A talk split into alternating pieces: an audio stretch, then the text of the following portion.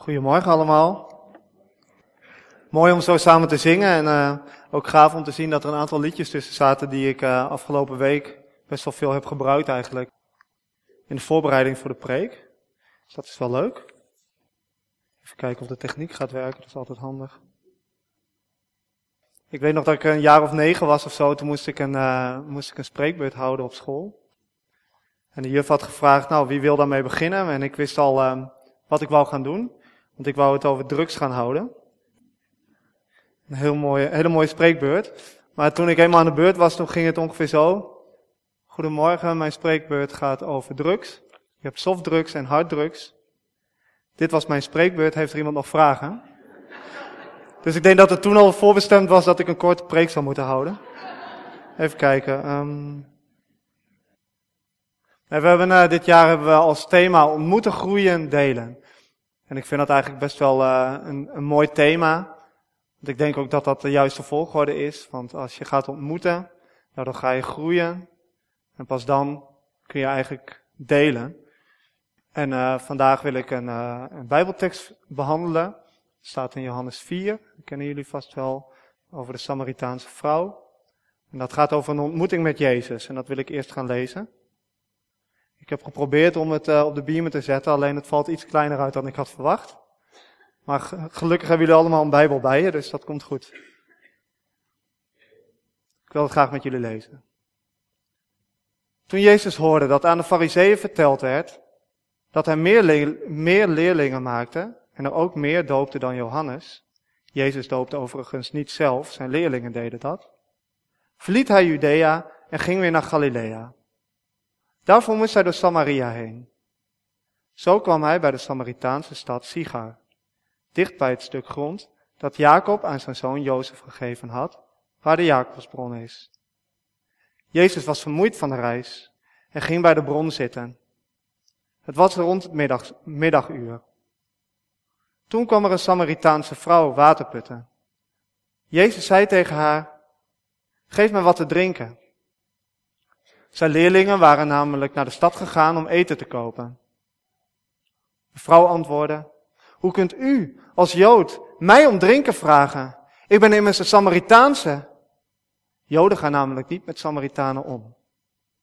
Jezus zei tegen haar, als u wist wat God wil geven en wie het is die u om water vraagt, zou u hem erom vragen en dan zou hij u levend water geven. Maar Heer, zei de vrouw. U hebt geen emmer en de put is diep. Waar wilt u dan levend water vandaan halen? U kunt toch niet meer dan Jacob, onze voorouder, voorvader? Hij heeft ons die put gegeven en er zelf nog uitgedronken. En ook zijn zonen en zijn vee. Iedereen die dit water drinkt zal weer dorst krijgen, zei Jezus. Maar wie het water drinkt dat ik geef, zal nooit meer dorst krijgen. Het water dat ik geef, zal in hem een bron worden waaruit water opwelt dat eeuwig leven geeft. Oh, geef me dat water, Heer, zei de vrouw. Dan zal ik geen dorst meer hebben en hoef ik ook niet meer hierheen te komen om water te putten.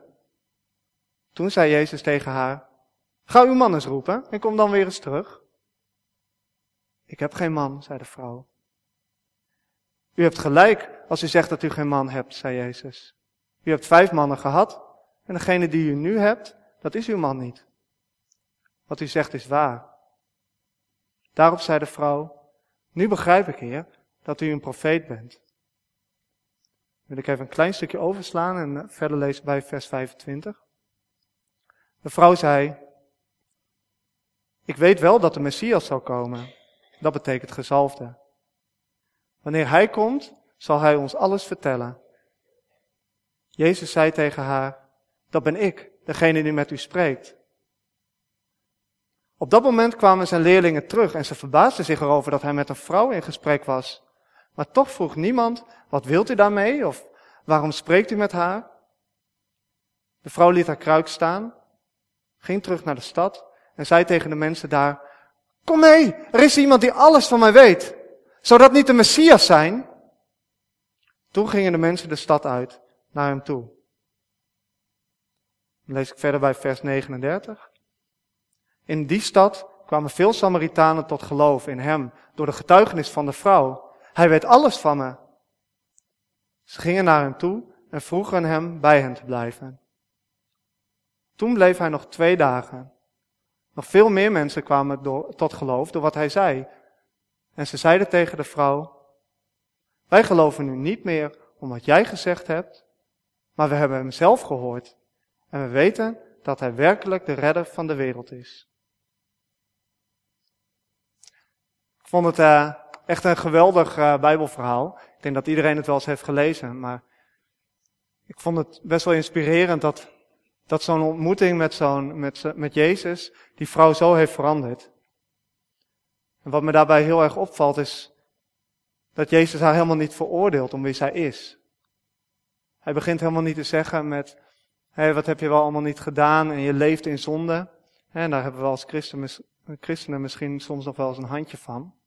Om mensen direct te veroordelen op uh, wie ze zijn of wat ze doen. Ik denk dat we daarvan mogen leren, dat we mensen mogen benaderen zoals Jezus. Zonder veroordeling, maar gewoon eerst eens het gesprek aan te gaan. En wat me heel erg opvalt in het verhaal is dat de vrouw de kruik laat staan. Dus ze heeft gekregen waar ze om vroeg. Ze heeft het levende water van Jezus gekregen. En je ziet ook dat ze zelf een bron is geworden waaruit water uh, opvloeit. Want ze gaat naar de stad toe en ze zegt, kom mee, kom mee, ik heb een man gezien, die weet alles van mij. Het is echt heel bijzonder om dat te zien. Dat is een vrouw die eigenlijk helemaal niks met, met Jezus had, zo veranderd wordt.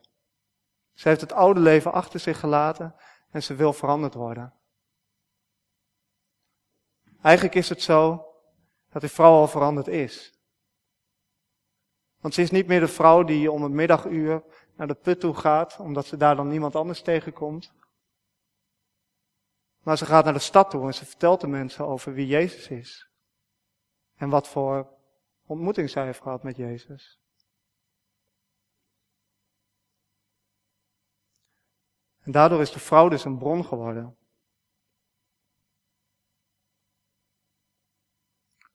Ik merk soms bij mezelf als ik uh, iets heb waar ik me schuldig over voel tegenover God. Als ik een zonde heb die steeds terugkeert. Dan kan ik daar me heel erg schuldig over voelen. En dan ga ik iets bidden als, Heere God, wilt u zorgen dat ik het niet meer doe? Amen. Eigenlijk een heel kort gebedje om God te vragen of ik het niet meer wil doen. Ik weet niet, misschien herkennen jullie dat wel. Maar ik denk dat als je dit verhaal leest en je kijkt hoe het in dit verhaal gaat, dat het eigenlijk heel anders werkt. En dat we mogen stoppen met vechten tegen de zonde, maar dat we mogen starten met het ontmoeten om te groeien. Want als je Jezus gaat ontmoeten, en je merkt dat je niet veroordeeld wordt, dan wil je dat wel van de daken schreeuwen.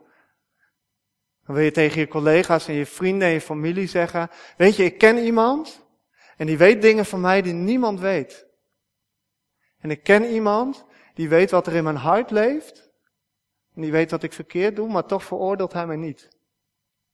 Sterker nog, ik ken iemand die mij kent, die weet wat ik verkeerd doe en mij heeft gered.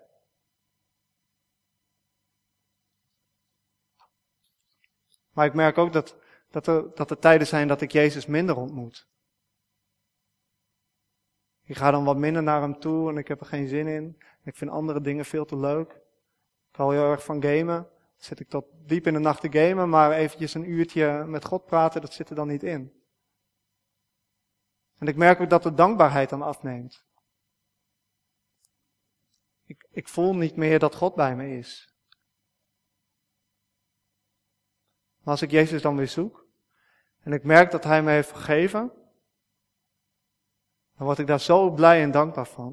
En dan wil ik het iedereen vertellen.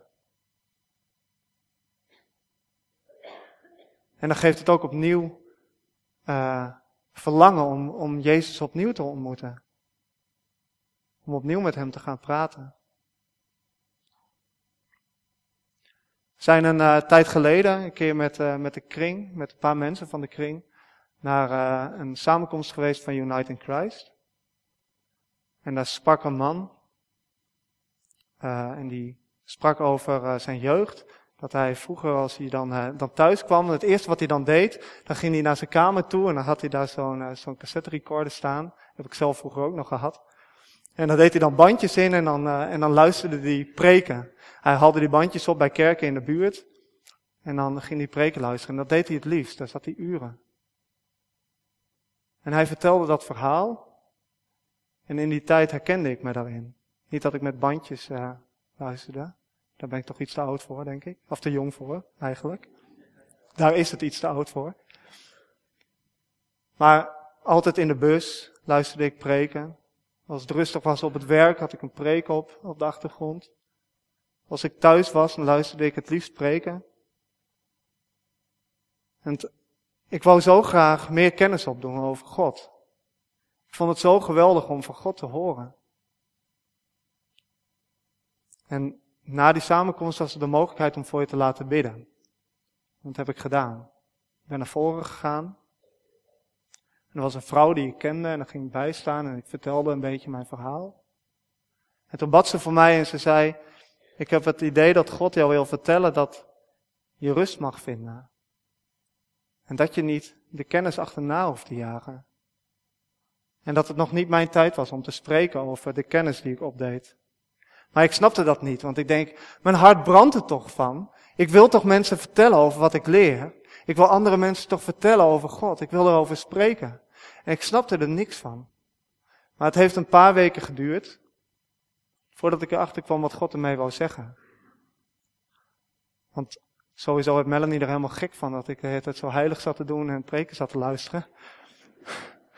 Maar verder uh, merkte ik ook dat ik zo bezig was met God, dat ik niet meer bezig was met God. Ik was het ontmoeten kwijtgeraakt.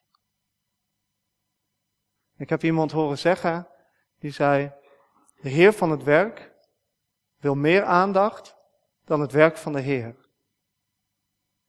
En ik denk ook dat dat iets is wat we, wat we vaak doen. Hè? We willen heel graag dingen doen voor God. We willen graag uh, liedjes zingen. We willen graag uh, heel veel voor God doen. En in de kerk actief zijn, maar daar gaat het uiteindelijk niet om.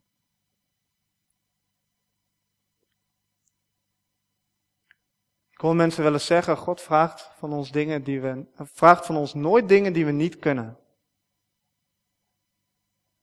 Maar ik denk dat het wel zo is. Ik denk dat God van ons dingen vraagt die we niet kunnen. En waarom dan? Nou, ik denk dat je dan gaat merken dat je het niet kan. En dat je God dus nodig hebt om het te kunnen. Dan kan God het door jou heen doen. Want weet je, geloven kost je niks, maar tegelijkertijd kost het je alles. Zoals zoveel dingen in de Bijbel zich eerst lijken tegen te spreken. Zo is het ook met ons. Het kost ons niks. Jezus heeft alles voor ons gedaan, maar toch vraagt God ons om ons leven te geven. Maar wij kunnen dat niet, dus Jezus heeft dat voor ons gedaan.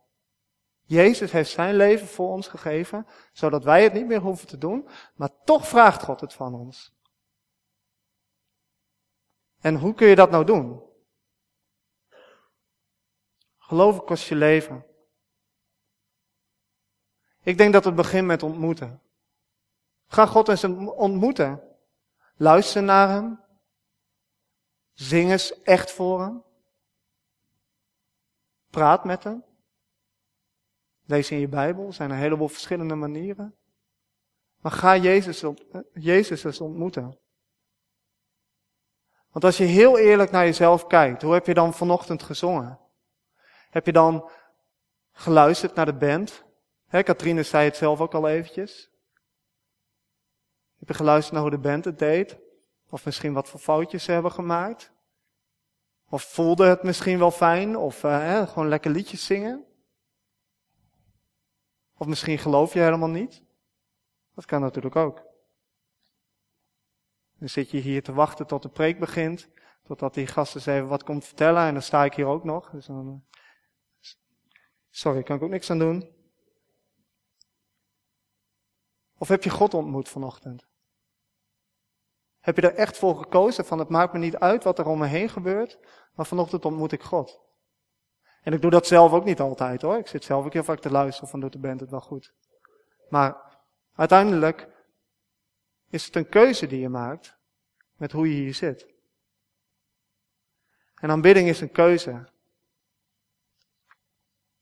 En kies je voor die aanbidding, kies je ervoor om naar God toe te gaan, om Hem te zoeken, dan zal dat je denken veranderen. En als het je denken verandert, pas dan wordt je zelf ook veranderd, net zoals bij die vrouw. Die vrouw werd niet veranderd omdat ze haar best deed om haar zonde af te leggen of om haar best te doen om zo goed mogelijk voor God zich voor te doen. Die vrouw werd veranderd door de ontmoeting en daardoor werd haar denken veranderd. Liedjes zijn geen opvulling tot de preek, maar liedjes zijn ervoor bedoeld om God de Vader te ontmoeten en om Jezus te ontmoeten. Een tijdje geleden hadden we het bij de kring over uh, je eerste liefde herstellen. Uiteindelijk kwamen we erop uit dat, ja, hoe, hoe, kom je nou, hoe kom je nou dichter bij God? Dat doe je door je eerste liefde te herstellen. Ik weet niet of jullie die eerste liefde kennen. Dat je voor het eerst echt denkt, ja, Heer, ik ben gered. Dan heb je zo'n verlangen naar God en naar meer van Jezus. Maar hoe doe je dat nou? Ik denk dat dat ook weer begint bij een ontmoeting met God. Kijk, als je, toen Melanie en ik elkaar leren kennen, toen was het niet van, hey hoi, hey hoi, hey, ik hou van jou. Dat doe je anders. Je gaat, je gaat elkaar ontmoeten. Je gaat met elkaar praten. Je vertelt wat je dwars zit, wat er in je hart leeft. Je vertelt waar je mee zit. Wat de dingen zijn die je leuk vindt of minder leuk vindt. Ik wil je uitdagen om dat ook te gaan doen. Ga maar eens naar God toe. Vertel maar eens gewoon wat, wat, er, wat er bij je leeft. Wat vind je moeilijk? Of misschien geloof je helemaal niet in Jezus. Nou, zeg het maar eens gewoon tegen hem. Jezus, ik geloof er helemaal niks van. Laat maar eens zien dat u van me houdt. Ik geloof dat er echt een wonder kan gebeuren. Dat Jezus jou laat zien dat hij van je houdt.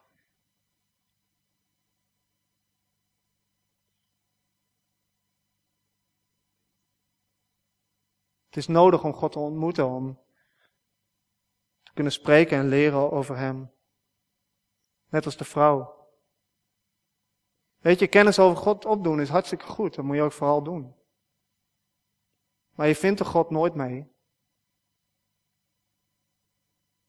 Ik denk dat het andersom werkt. Dat als je God leert kennen, wie Hij is, en dat het geen boeman is die boos op ons is, maar dat het een en Jezus is die ons vergeeft en van ons houdt. Pas dan kun je echt kennis over hem opdoen. Ga dan weer je Bijbel maar eens lezen en ga dan maar eens lezen wat er staat. Dan zul je het op een hele andere manier lezen en zien. Dan gaat het boek echt voor je leven. Weet je, je kunt van, van God leren door wat andere mensen van je zeggen uh, van hem zeggen. Je kunt vanochtend denken, uh, misschien denk je wel van wat ik zeg van wauw, die jongen die heeft een sterk geloof, dat is mooi. Maar ik denk dat het erom gaat, en dit sprong voor mij heel erg uit in die, in die tekst, is wat de mensen uit Sigar zeggen. Wij geloven nu niet meer om wat jij gezegd hebt, zeggen ze tegen de vrouw. Maar we hebben hem zelf gehoord. En we weten dat Hij werkelijk de redder van de wereld is.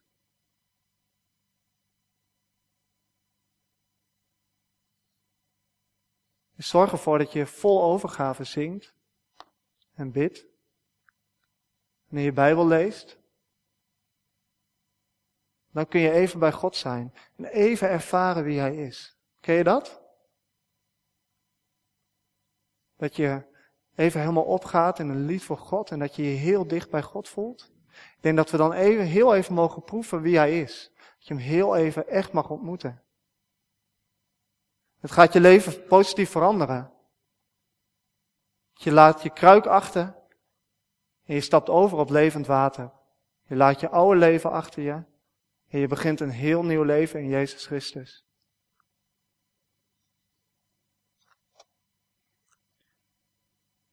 Ik stel voor dat we, dat we God ook gaan ontmoeten nu.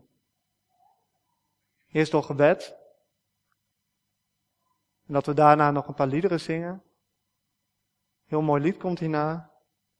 En ik denk ook dat het heel mooi is uh, om daarin ook je hele hart aan Jezus te kunnen geven. Ga er maar eens anders in staan. Ga maar eens zelf ontmoeten.